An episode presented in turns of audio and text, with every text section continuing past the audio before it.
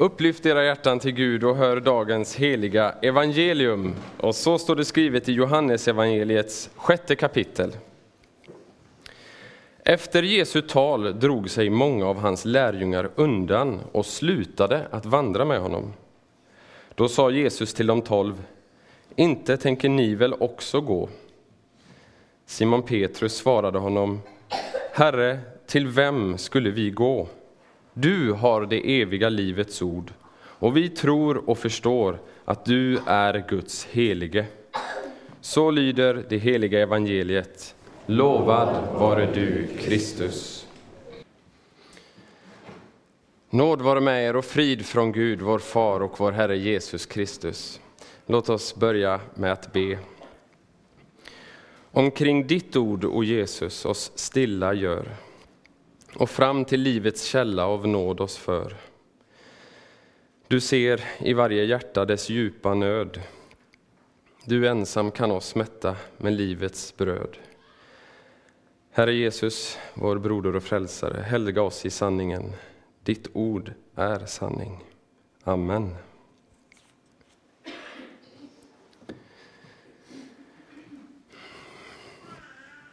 Jag tror Hjälp min otro.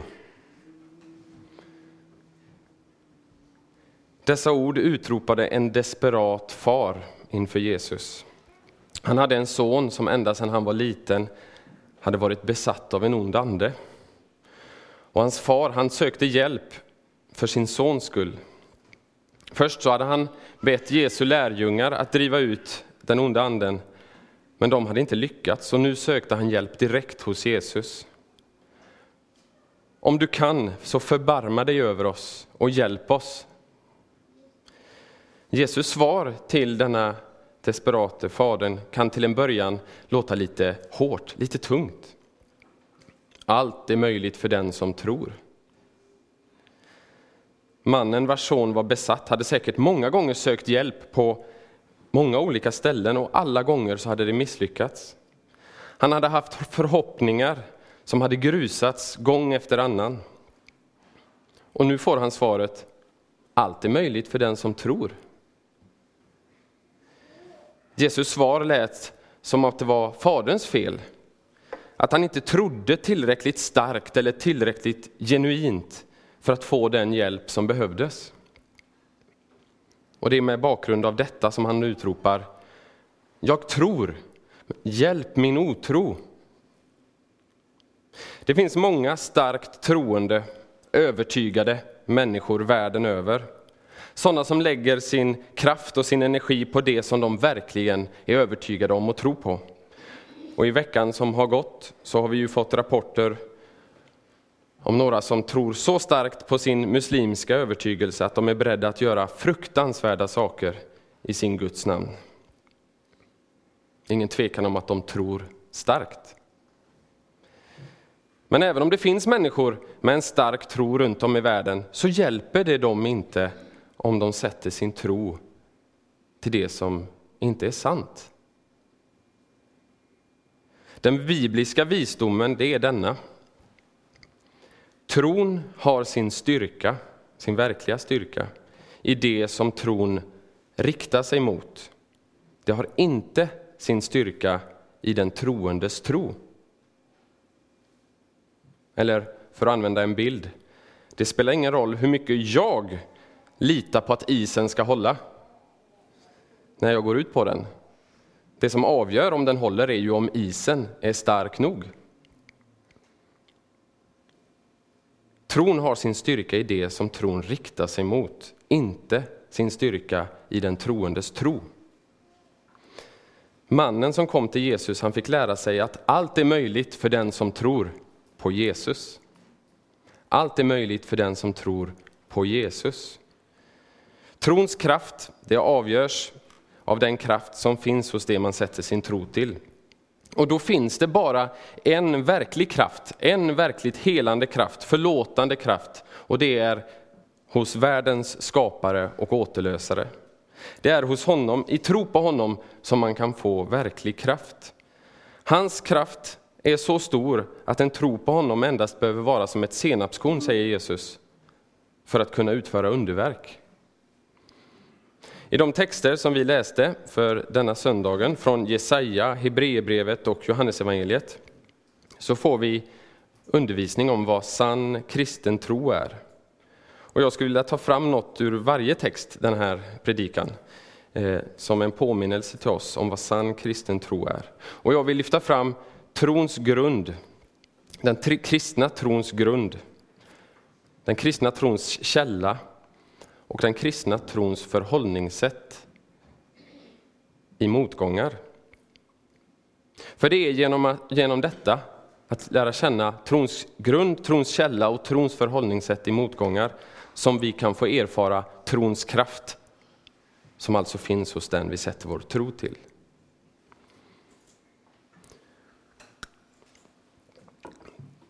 Så först trons grund, vad är det? I kraft av Jesu blod kan vi därför frimodigt gå in i det allra heligaste, läste vi i Hebreerbrevets tionde kapitel.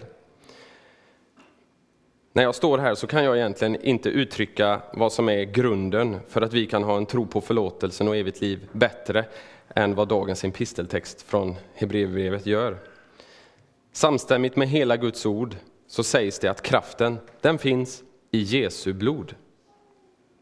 Jesu, Guds sons blod renar oss från all synd, säger Johannes i sitt första brev.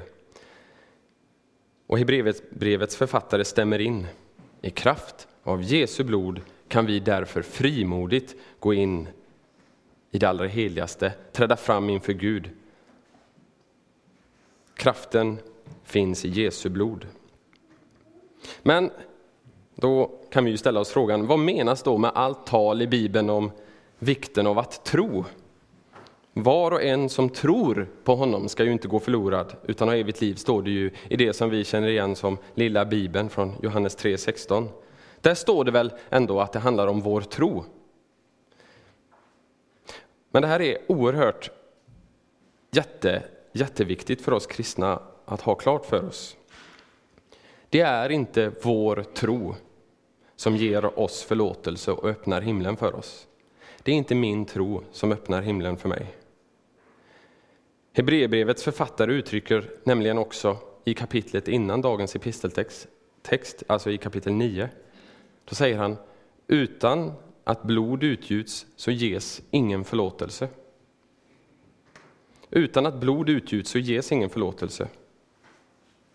Det är bara Jesu, Guds sons blod, det som han en gång för alla utgöt på Golgata kors, som kan rena oss från all synd, som Johannes sa, och som gör att vi frimodigt kan träda fram inför Gud. Tron är som handen som griper om något. Många människor har en tro, och en stark tro, kanske starkare än många kristna. Men det som avgör är, vad är det man griper om? Vad är det man sätter sin tro till, till sin tillit till? Vad är det man förtröstar på?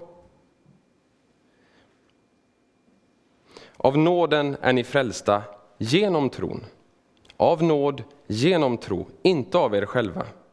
Guds gåva är det. Det är Guds nåd som gör att du och jag kan bli frälsta. Och han kan bara visa oss, dig och mig, den nåden på grund av att Jesu, Guds sons blod, har utgjutits för dig. För utan blod, utan att blod utgjuts, ges ingen förlåtelse. Om du sätter din tillit och din tro till detta blod så är förlåtelse, evigt liv och salighet, det är din egendom. Förlåtelse, evigt liv och salighet, det är ditt. En egendom som du har fått som gåva, inte en egendom som du har förtjänat därför att du har så väldigt stark tro.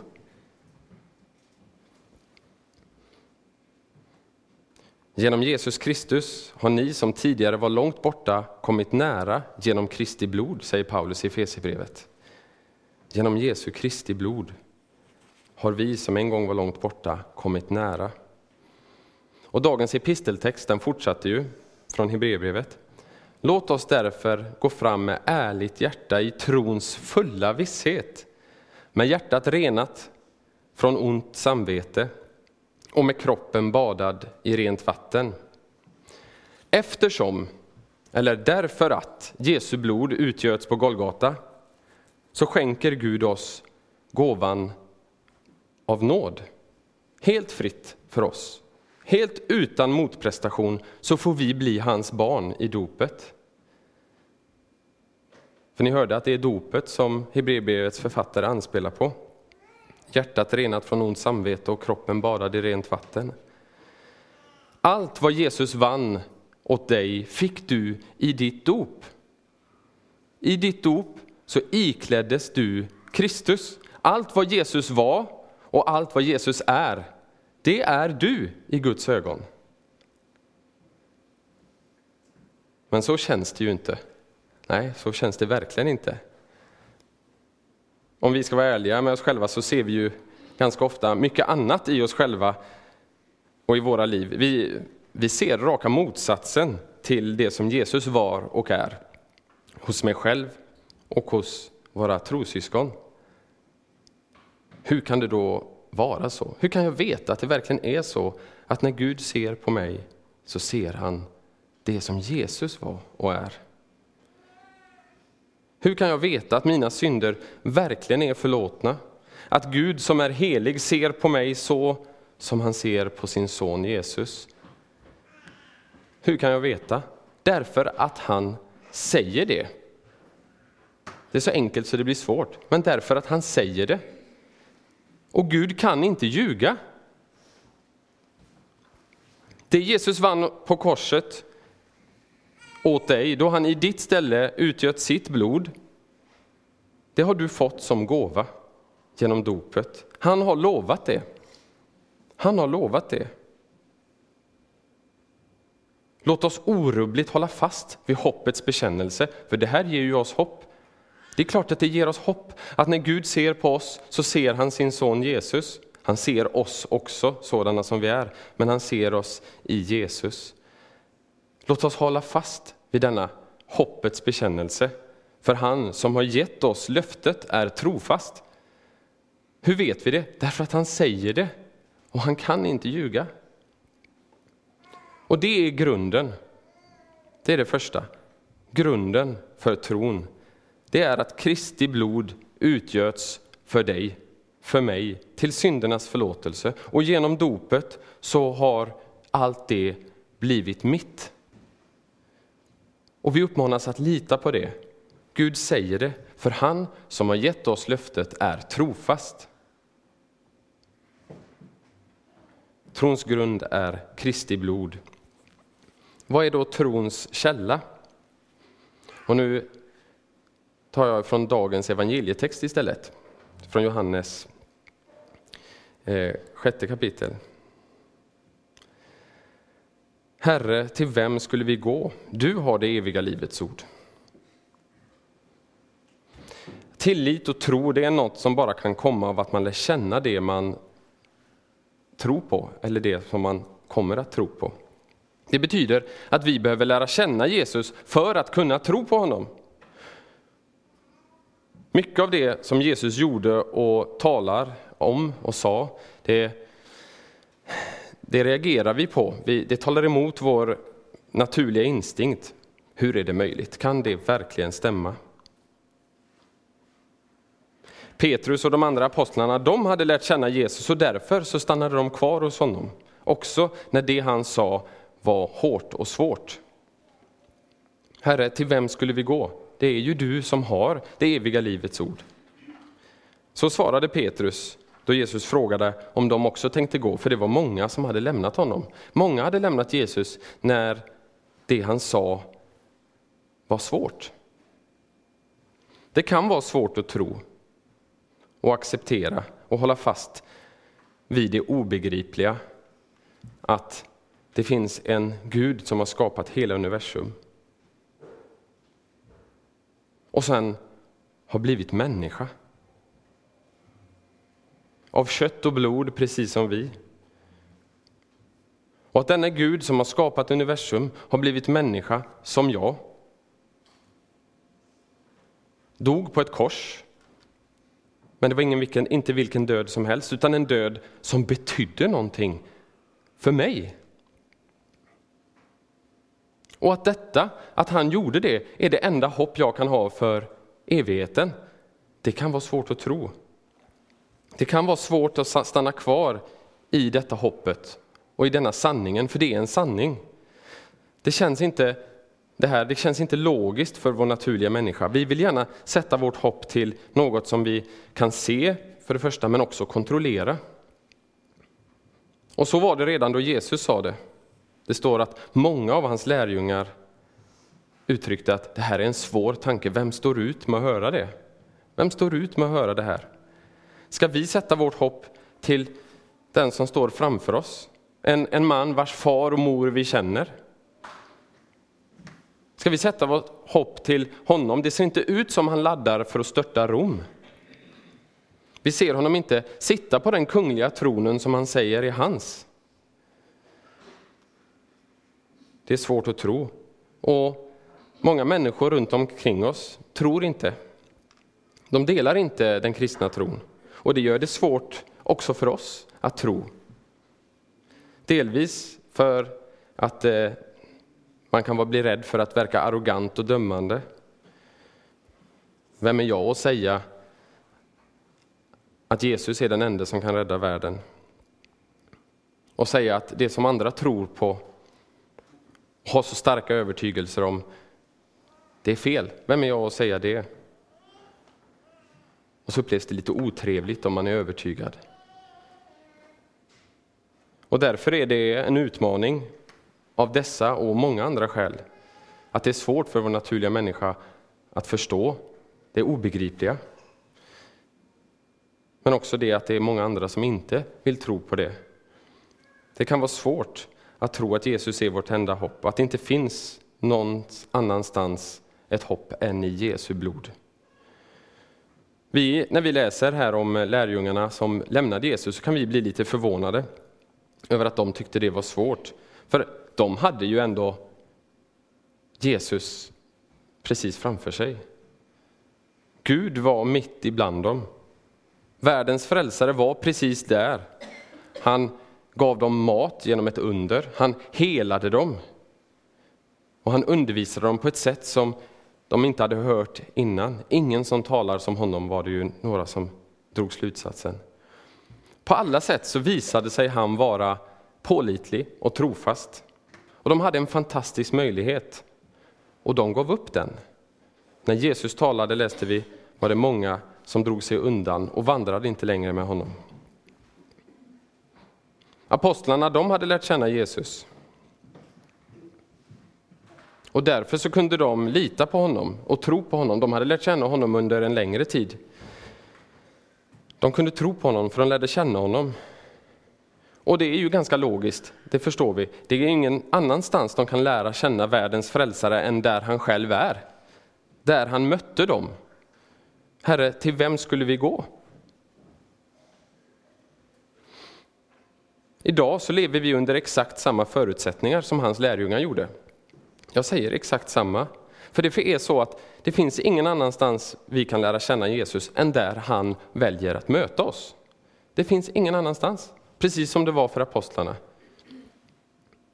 Och det är bara genom att lära känna Jesus och förbli hos honom som vi kan få en ökad tillit och en starkare tro på honom.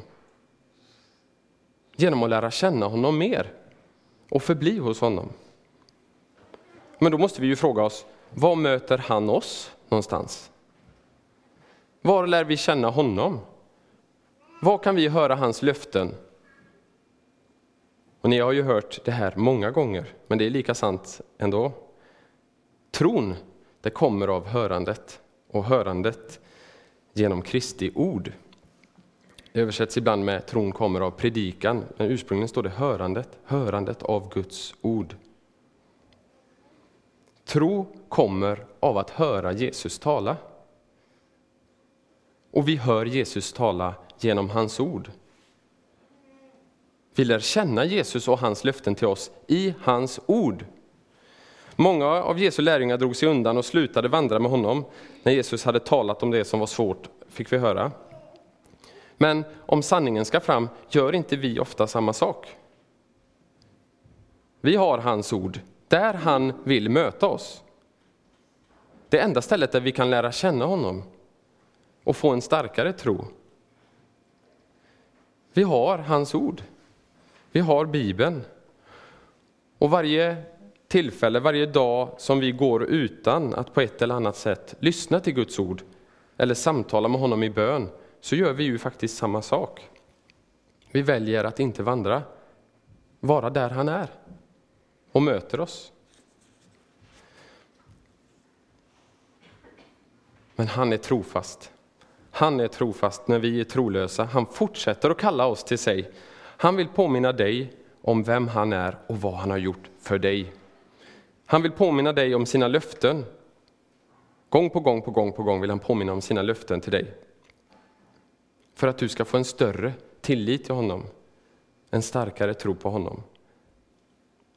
Lärjungarna stannade hos Jesus för att han hade det eviga livets ord. Och det här ordet det anförtrodde han åt sina apostlar som har nedtecknat det för oss. Vi har det eviga livets ord i Bibeln och där möter vi Jesus. Endast där kan vi på ett rätt sätt lära känna Jesus och endast där kan vi genom att fortsatt lyssna och höra honom få en starkare tro. Trons källa är i ordet där Jesus möter oss. Han är trofast.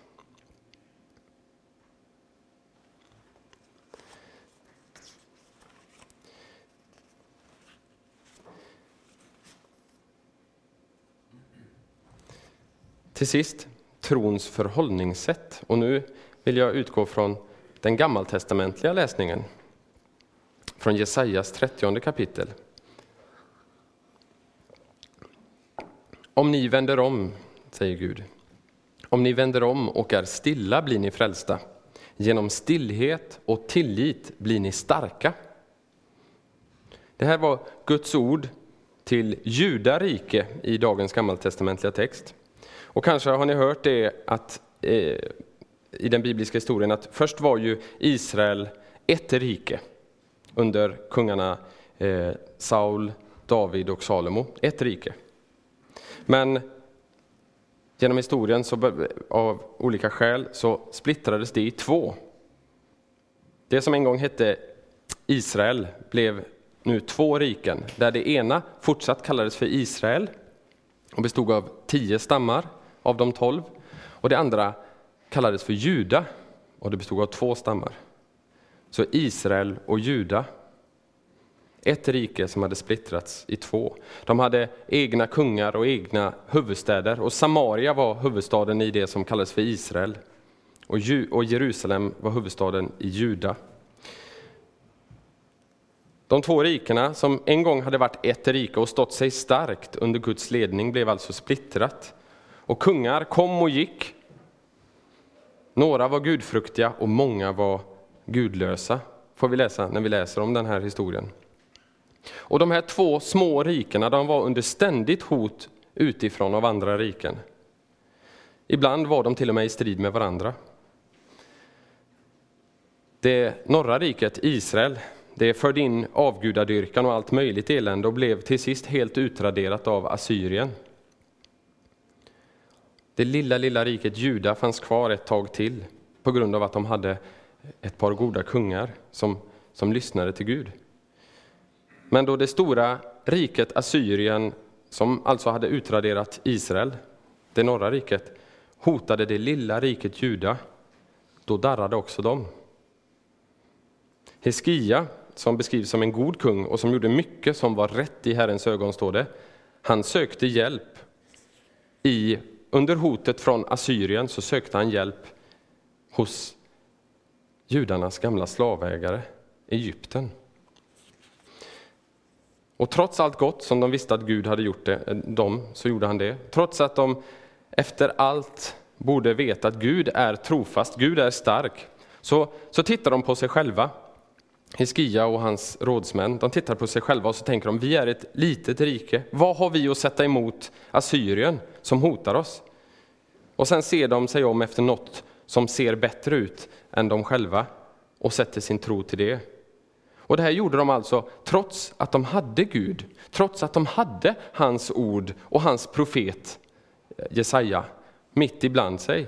De väljer att förlita sig på det som såg starkt ut, I det här fallet Egyptens stora antal människor, soldater, hästar, vagnar.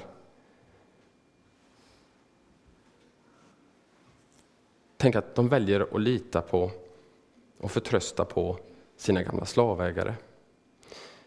Och det är i denna situationen som Gud talar till dem genom Jesaja och han gör det i kapitel 30 och 31. Men jag ska, jag ska läsa några av de verserna som kommer innan dagens gammaltestamentliga text. Där säger Gud så här. Ve de upproriska barnen, säger Herren. De rådslår utan mig. De sluter förbund utan att min ande är med. Så att de därigenom hopar synd på synd. De drar ner till Egypten utan att ha rådfrågat min mun för att söka skydd hos farao och få tillflykt under Egyptens skugga. Faraos beskydd ska bli er till skam, tillflykten under Egyptens skugga en förödmjukelse, säger Gud genom Jesaja. Jag tror att vi kan känna igen oss faktiskt i kung Hiskia här. För om vi ser på oss själva och våra egna förmågor så märker vi när vi tänker på alla de krafter runt omkring oss som vill förgöra Guds rike på jorden, de som krafter som, som hotar varje enskild kristen. Det är otroligt skräckinjagande att titta på det. Vi ser hot i samhället. Vi ser frestelserna som, som vill dra oss bort ifrån Guds ord. Vi ser kanske hur församlingar och kanske vår egen församling krymper.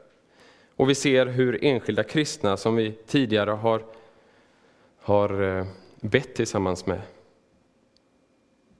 går bort från Gud. Och i den situationen, när vi ser alla dessa hot, så finns risken också för oss att vi börjar se oss om för att hitta lösningen med stort L. Lösningen som ska skydda oss från alla de här hoten som vi ser. Lösningen som vi hoppas ska hålla kvar våra barn och ungdomar i tron.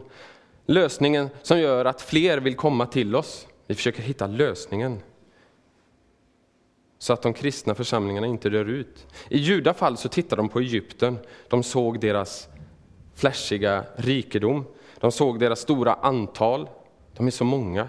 Det ser så bra ut. Och de såg deras soldater, deras strategier, deras ledares karisma. Den var avundsvärd i den situation som judar nu befann sig under med det stora hotet från Assyrien. Och än en gång så gjorde de det trots att de hade universums skapare, den allsmäktige guden mitt ibland dem, genom hans ord och hans profeter. Och vi kan behöva fundera på, tänker jag, vad är det som riskerar att bli ett Egypten för oss? Idag. Vad är det som kan fresta oss att sätta vår förtröstan till trots att vi faktiskt har det enda som kan rädda. Vad är det som kan fresta oss? Vad, är, vad har vi för Egypten? Vad är det som vi tenderar mena är lösningen på vår trängda situation?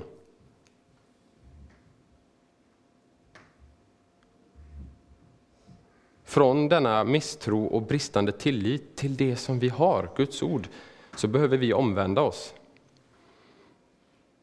Vi har Guds ord, Guds eget ord, levande ord, det enda som kan skapa och behålla oss i tro på Jesus. Vi behöver omvända oss. Om ni omvänder er, om ni vänder om och är stilla, blir ni frälsta, sa Gud till det judarike. Om ni vänder om och är stilla blir ni frälsta. Genom stillhet och tillit blir ni starka. Jag vet inte om ni ser det, men det här är en så kallad parallellism. Det betyder att Gud upprepar samma sak två gånger, men eh, på två sätt. I den första meningen så säger han, om ni omvänder er och är stilla. Och den andra, genom stillhet och tillit. Stilla, stillhet. Vänder om, tillit, frälsning, styrka. Titta på det, om, ni, om det är svårt för mig att förklara det här så, så ber jag er att titta själva. Omvändelse motsvaras av tillit i den här parallellismen. Och att omvändelse motsvaras av tillit, det säger oss något mycket viktigt. Att omvändelse, det består inte bara av att vi vänder oss bort från något. Det betyder att vi vänder oss till någonting. Omvändelse är inte bara att sluta med saker som, som är destruktivt. Det innebär också att vända sig till det som är konstruktivt, i det här fallet endast Gud. Till Gud och hans löften. Och hans löften som vi har i hans ord. Paulus säger i Romarbrevet, om Gud är för oss, vem kan då vara emot oss? När vi ser dessa hot, när vi ser Assyrien. Om Gud är för oss, som han var för Juda också, om Gud är för oss, vem kan då vara emot oss? Han som inte skonade sin egen son, utan utlämnade honom för oss, alla, för oss alla. Hur skulle han kunna annat än att skänka oss allt med honom? Om Gud är för oss, underförstått, och det är han ju. Gud är för oss. Hur skulle han annat än att sjunga skänka oss allt med Jesus, vars blod utgöts på Golgata. När vi känner vår egen svaghet inför allt som vi ställs för individuellt. Vi, har, vi, vi är ju ett sammanhang, men vi är också enskilda personer. När vi ställs inför vår svaghet, alla de här jobbiga tankarna, alla utmaningar, alla svårigheter, saker som vi lider av. Och det kan ju vara vitt skilda slag, sånt som vi har svårt att, att dela. När vi upplever svaghet i den kristna församlingen, bristande engagemang eller olika visioner och ideal, oro för våra barn och oron för framtiden, då finns det, det påminner dagens texter från Guds ord oss om, så finns det bara en som kan hjälpa på allvar. Och det är den Gud som är trofast. Han som har gett oss löftet är trofast. Paulus fick liksom vi kämpa med sin egen svaghet. Och Gud svarade honom så här. Min nåd är nog för dig, för min kraft fullkomnas i svaghet. Trons kraft, dagens ämne, var hittar vi den? I min svaghet. För det är där som Guds kraft fullkomnas. Trons förhållningssätt innebär att se sin egen svaghet, men inte fokusera på den, utan att fokusera på Guds trofasthet och Guds närvaro i sitt ord och i vår kristna gemenskap.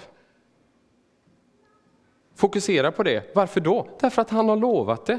Han är trofast. Om jag till sist får återvända till mannen som nämndes i inledningen, han som kom till Jesus och ropade ”Jag tror, hjälp min otro”. Jag tänker att vi ska göra det utropet till vårt, till vårt eget utrop. Jag tror, därför är jag ju här. Därför kommer jag till gudstjänst. Därför söker jag dig Jesus, jag tror. Men hjälp min otro. Hjälp mig att inte glömma grunden för tron det blod som rann för mig. Hjälp mig att inte glömma källan till tron, ditt eget ord. Och hjälp mig att våga vara stilla i min svaghet och vänta på din kraft. Ja, lovad vare du, Gud, och välsignad i evighet, som med ditt ord tröstar, lär, förmanar och varnar oss. Skriv ditt ord i våra hjärtan så att vi dagligen växer till i tro, i tillit, i hopp och kärlek in till änden och blir saliga genom din Son Jesus Kristus, vår Herre. Amen.